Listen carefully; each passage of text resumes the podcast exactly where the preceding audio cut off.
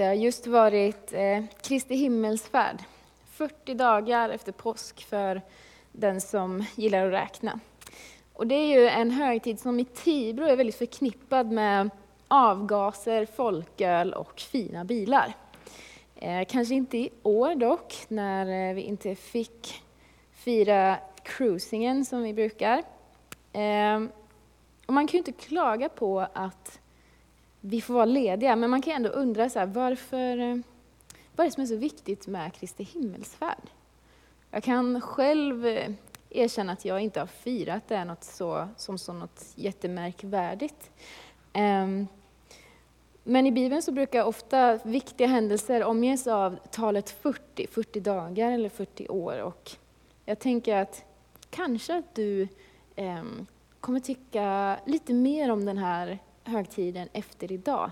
Eh, det kommer i alla fall jag göra. Vi ska läsa dagens bibeltext om Kristi himmelsfärd. Eh, så följ med mig till Apostlagärningarna 1. Vi läser från vers 1 till 11. I min första bok berättade jag, ärade Teofilos, om allt som Jesus började göra och undervisa om, ända fram till den dag då han togs upp till himlen. Efter att han genom den heliga Anden gett sina befallningar till apostlarna som han hade utvalt. Han visade sig för dem ehm, efter sitt lidande och han bevisade på många sätt för dem att han levde. Under 40 dagar visade han sig för dem och talade om Guds rike. Vid ett av dessa tillfällen, då han åt med dem, sa han till dem, lämna inte Jerusalem, utan vänta på vad Fadern har utlovat och som ni har hört mig tala om. Johannes döpte er i vatten, men om några dagar ska ni bli döpta i den heliga Anden. När de var samlade frågade om Jesus, Herre, är det nu du ska återupprätta eh, Israel som kungarike? Han svarade då, det är inte er sak att veta tider och stunder som Fadern i sin makt har bestämt. Men när den heliga Anden kommer över er, då ska ni få kraft och ni ska vittna om mig, både i Jerusalem, i Judeen, i Samarien och över hela jorden. Strax efter att han hade sagt detta såg de honom lyftas upp och ett moln tog honom ur deras åsyn. De försökte titta upp mot himlen när han uppsteg, då plötsligt två vitklädda män stod bland dem och sa Ni män från Galileen, varför står ni här och tittar upp mot himlen? Den Jesus som har tagits upp från er till himlen, han ska komma tillbaka på samma sätt som ni såg honom fara upp på. Man kan läsa berättelsen om Kristi himmelsfärd på några olika ställen i Bibeln. Det finns i Matteus evangeliet, Markus, Lukas, det finns i Apostlagärningarna som vi läste precis om nu, eh, Första Korinthierbrevet och säkert på fler ställen också. Ehm, men i Markus berättelse om himmelsfärden så tycker jag att han lyfter fram en så läcker grej. Ehm, och där i Markus 16 och 8 så skriver han så här. Sedan sände Jesus genom dem, alltså genom lärjungarna, ut det heliga och odödliga budskapet om den eviga räddningen från öster till väster. Amen. Det odödliga budskapet. Och det är min första punkt i min predikan idag, det odödliga budskapet. Beroende på vem som berättar och lyfter fram berättelsen om Kristi himmelsfärd i Bibeln så lyfts olika människors reaktioner fram på det Jesus säger, på att han påstår sig vara uppstånden från de döda och eh, när han berättar om det uppdrag som han vill att eh, lärjungarna ska slutföra. Några de tror inte på att Jesus har uppstått när de hör andra berätta om det. Några har till och med svårt att tro på det när de ser honom och måste känna på honom för att våga tro. Några tvivlar på både Jesus men också på uppdraget som han vill ge dem. Men några de tror också och några är glädjefyllda och ärar och prisar Jesus. Eh, både när han är med och när han inte är med.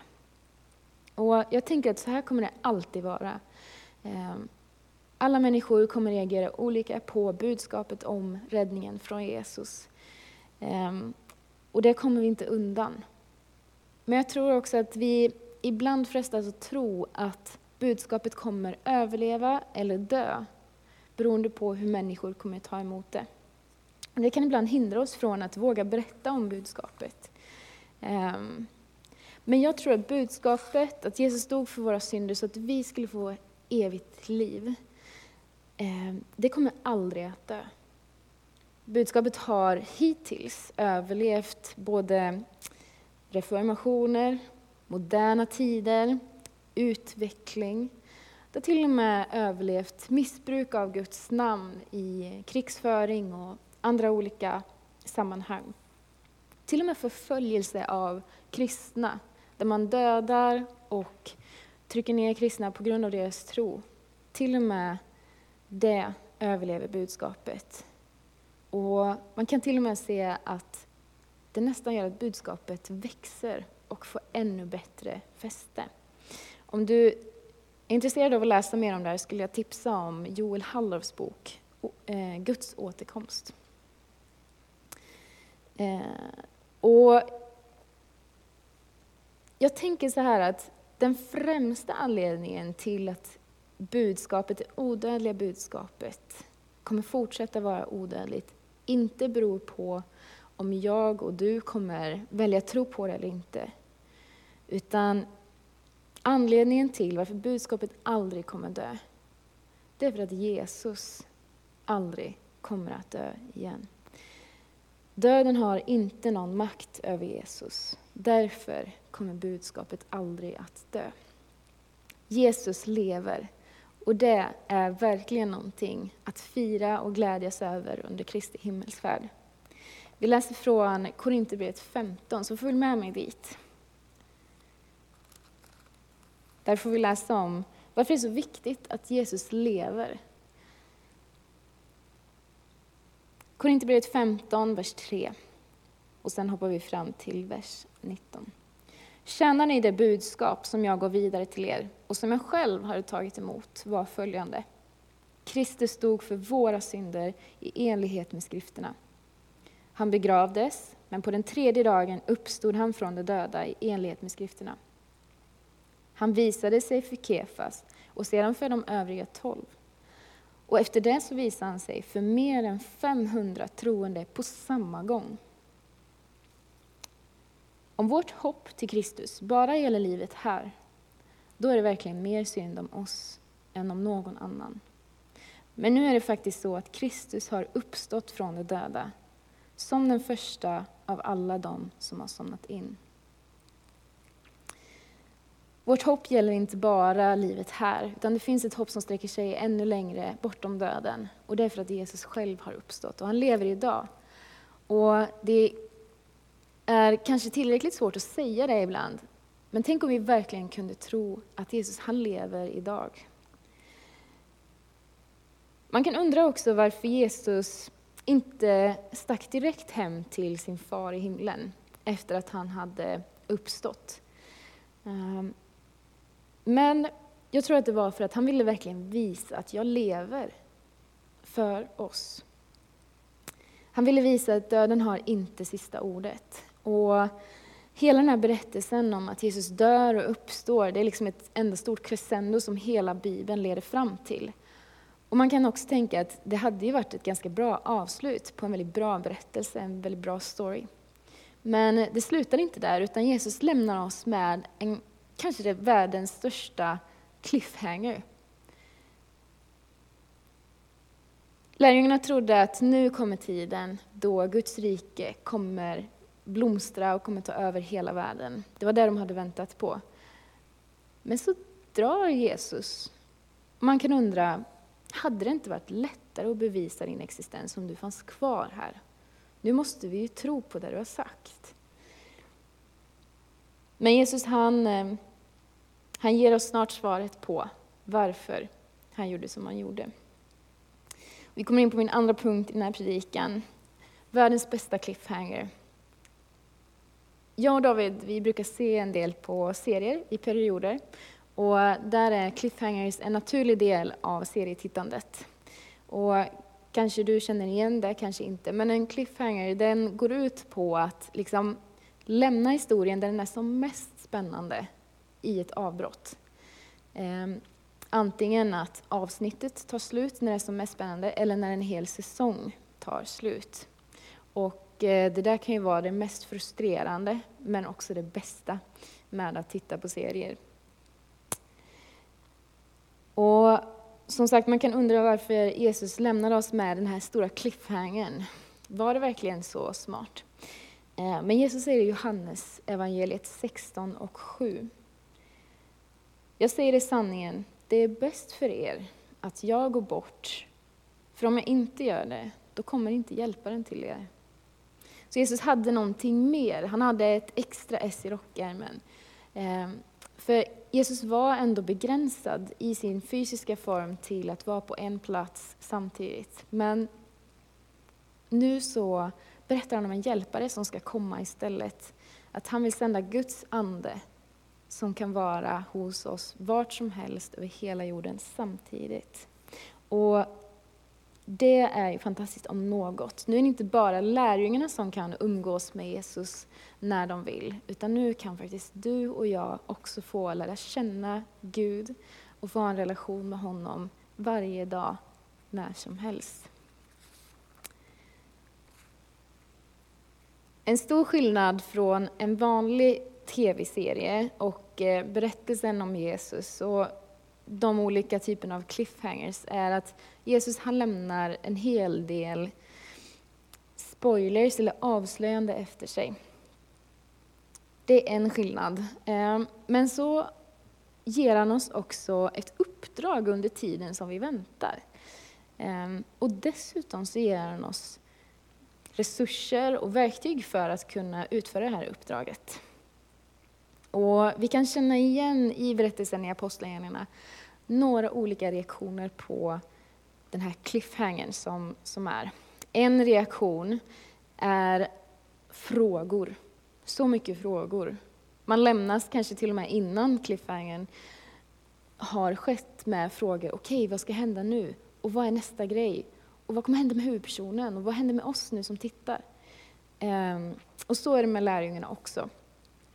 Sen så, en annan vanlig reaktion det är liksom frystillståndet. Man lämnas där i tv-soffan eller fåtöljen och bara känner sig helt tom. Vad gör jag nu? Vad ska jag göra med mina kvällar nu?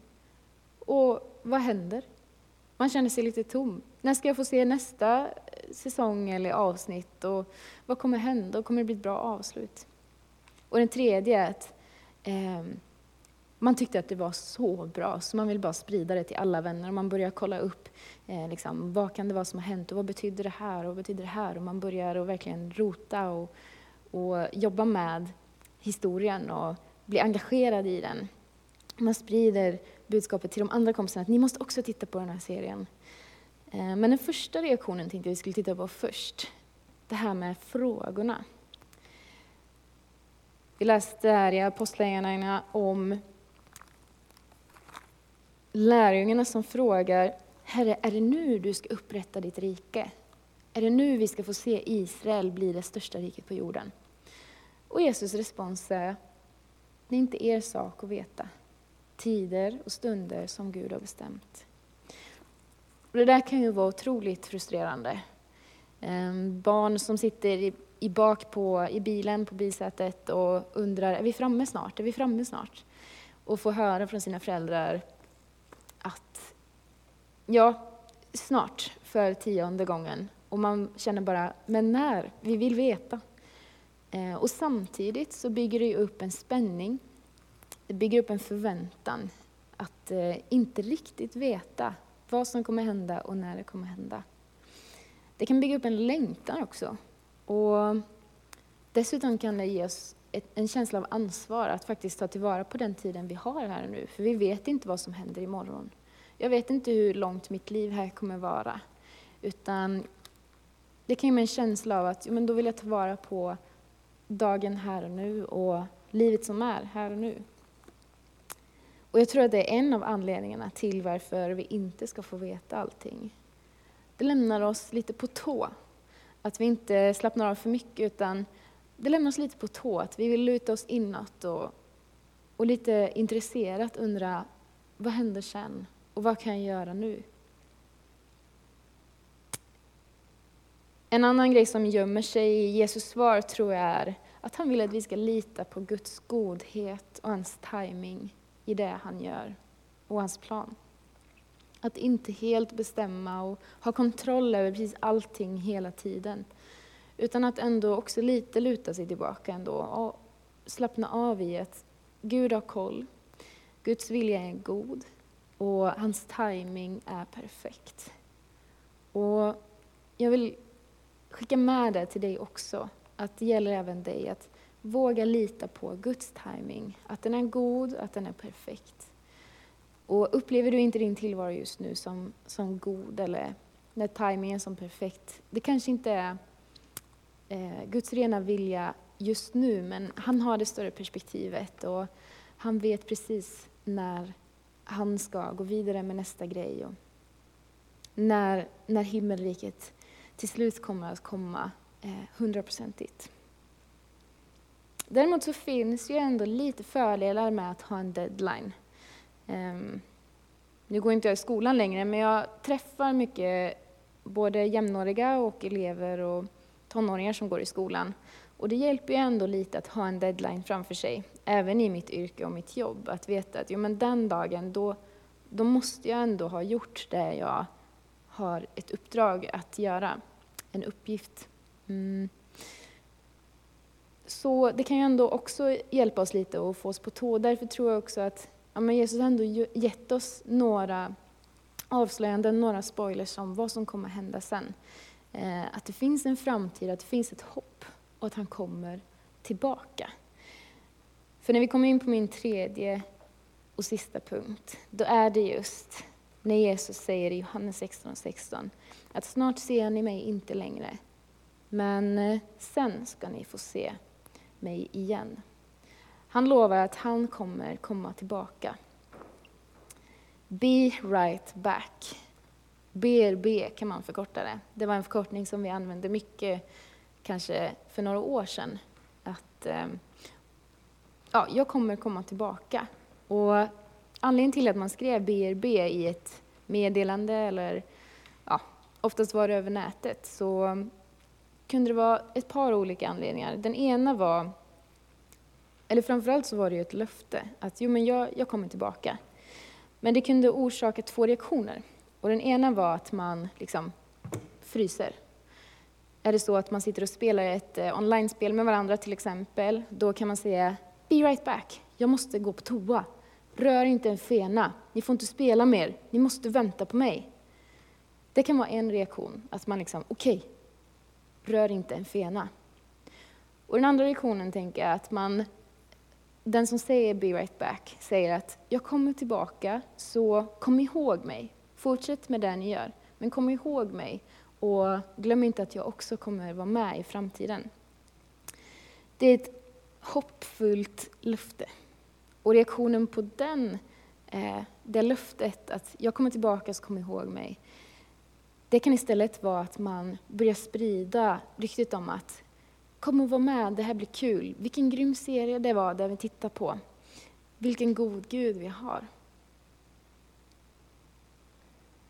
Och jag tror att det här är två reaktioner som vi kan välja att gå in i som lärjungar, som troende, men också när vi börjar närma oss Gud överhuvudtaget. Att antingen kan vi frysa och bara vänta på att någonting ska hända, att vänta på Jesu återkomst och bara vänta på att han ska komma och lösa allting. Ehm, så bara gör jag ingenting så länge. Men vi kan också välja att lita på löftet om att han kommer tillbaka och komma ihåg Jesus under tiden. Och att utifrån det också sprida budskapet om hans räddning, hans godhet. Att få vara engagerade, att eh, göra vår del och säga vilket grymt budskap, vill du inte vara med? Jesus cliffhanger tycker jag visar lite på att det är inte bara målet som är det viktigaste. Det är inte bara liksom, det där slutliga himmelriket som är det viktigaste. Utan resan dit också spelar roll. Det blir också tydligt lite varför vi väljer att göra uppdraget eller inte. Uppdraget att få dela med oss av det odödliga budskapet. Är det bara en checklista för oss att okej, okay, men jag ska försöka göra det någon gång under livet? Eller är det någonting som vi gör för att vi själva är tacksamma och glada över vad Gud har gjort för oss och att vi helt enkelt bara, vi gillar att göra Guds vilja. Vi, vi gillar att sprida Guds godhet och därför gör det. Inte för att det är ett, ett måste och en to-do-lista, en checklista för att känna oss duktiga. Eh, precis innan liksom, provet, det slutliga provet eller den slutliga tiden kommer.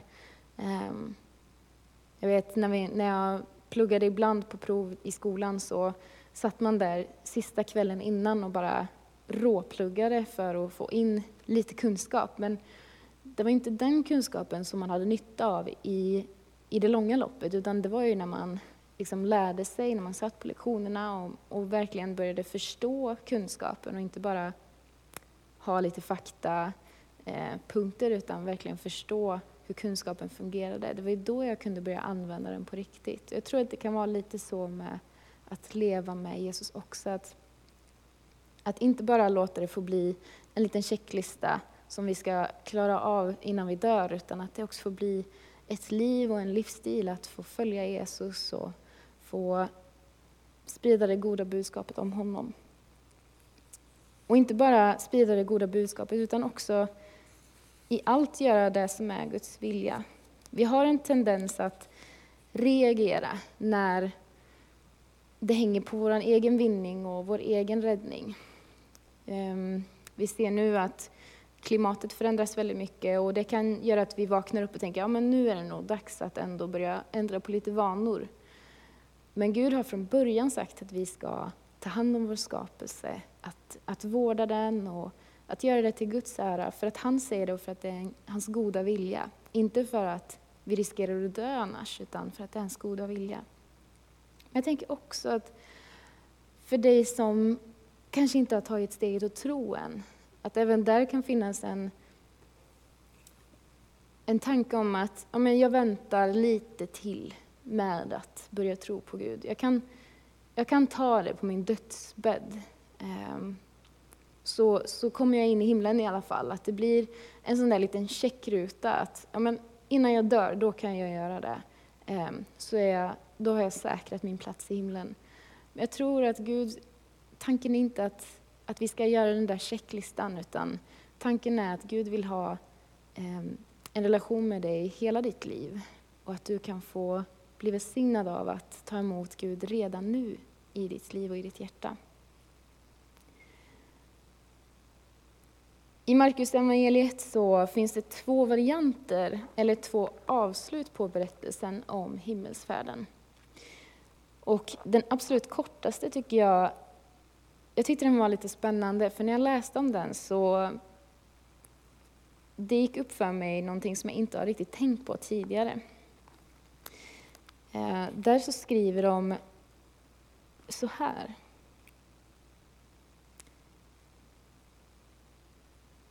Att Jesus, han lyfte sina händer och han välsignade lärjungarna och sen så försvann han bort till himlen. Det står inte så mycket annat. Det står inte att han ger dem ett uppdrag.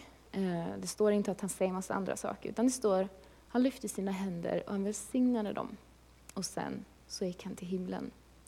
I nästan alla andra berättelser om Kristi himmelsfärd så står det om hur, hur, Jesus han ger dem ett uppdrag, han predikar för dem och han liksom skickar med sina sista viktigaste ord.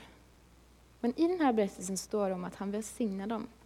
Och jag kan inte låta bli att undra, vad är det han välsignar dem med? Är det ett peptalk? Är det en kram? Um, kanske att han ber för dem. Eller kan det vara så att välsignelsen låg i att de fick ett uppdrag och sen löftet om en helig ande som skulle hjälpa dem att utföra det uppdraget. Tänk om det är så att uppdraget är välsignat och att få leva i det uppdraget gör att mitt liv välsignas ännu mer. Det tycker jag är en väldigt spännande tanke. Uppdraget var att inte stelna till i väntan på Guds rike. Absolut att det står att de skulle vänta, men de skulle vänta tills helig ande kom. Och det gjorde han. För nästa helg så är det pingsthelgen. Ehm, och det är en helg som handlar om hur löftet om helig andes ankomst faktiskt uppfylls. Att eh, lärjungarna nu också får den här superresursen, superkraften, helig andes närvaro i deras liv. Så att de kan gå ut med det odödliga budskapet och vittna om Guds godhet. Löftet om hjälp går i uppfyllelse. Helig Ande till alla som bekänner Jesus som Herre. Helig Ande är den hjälp som du och jag har tillgång till. Helig Ande är den som vi behöver för att orka vara kristna, för att orka leva på den här jorden och inte bara överleva utan att faktiskt leva också. Han är den vi behöver för att kunna vara och orka vara Jesu händer och fötter utan att gå i egen kraft men också i Guds kraft. Den heliga Anden är han som gör cliffhangern till ett välsignat äventyr. Han är den som möjliggör för dig att få uppleva Gud på ett särskilt sätt, ett personligt sätt och få kraft att göra allt det som Gud har tänkt för dig. Det löftet, det finns kvar och det löftet, det gäller dig. Så det odödliga budskapet, den största cliffhangern i vår tid och löftet om Jesus återkomst. Ta med dig det och ta emot Guds välsignelse i det.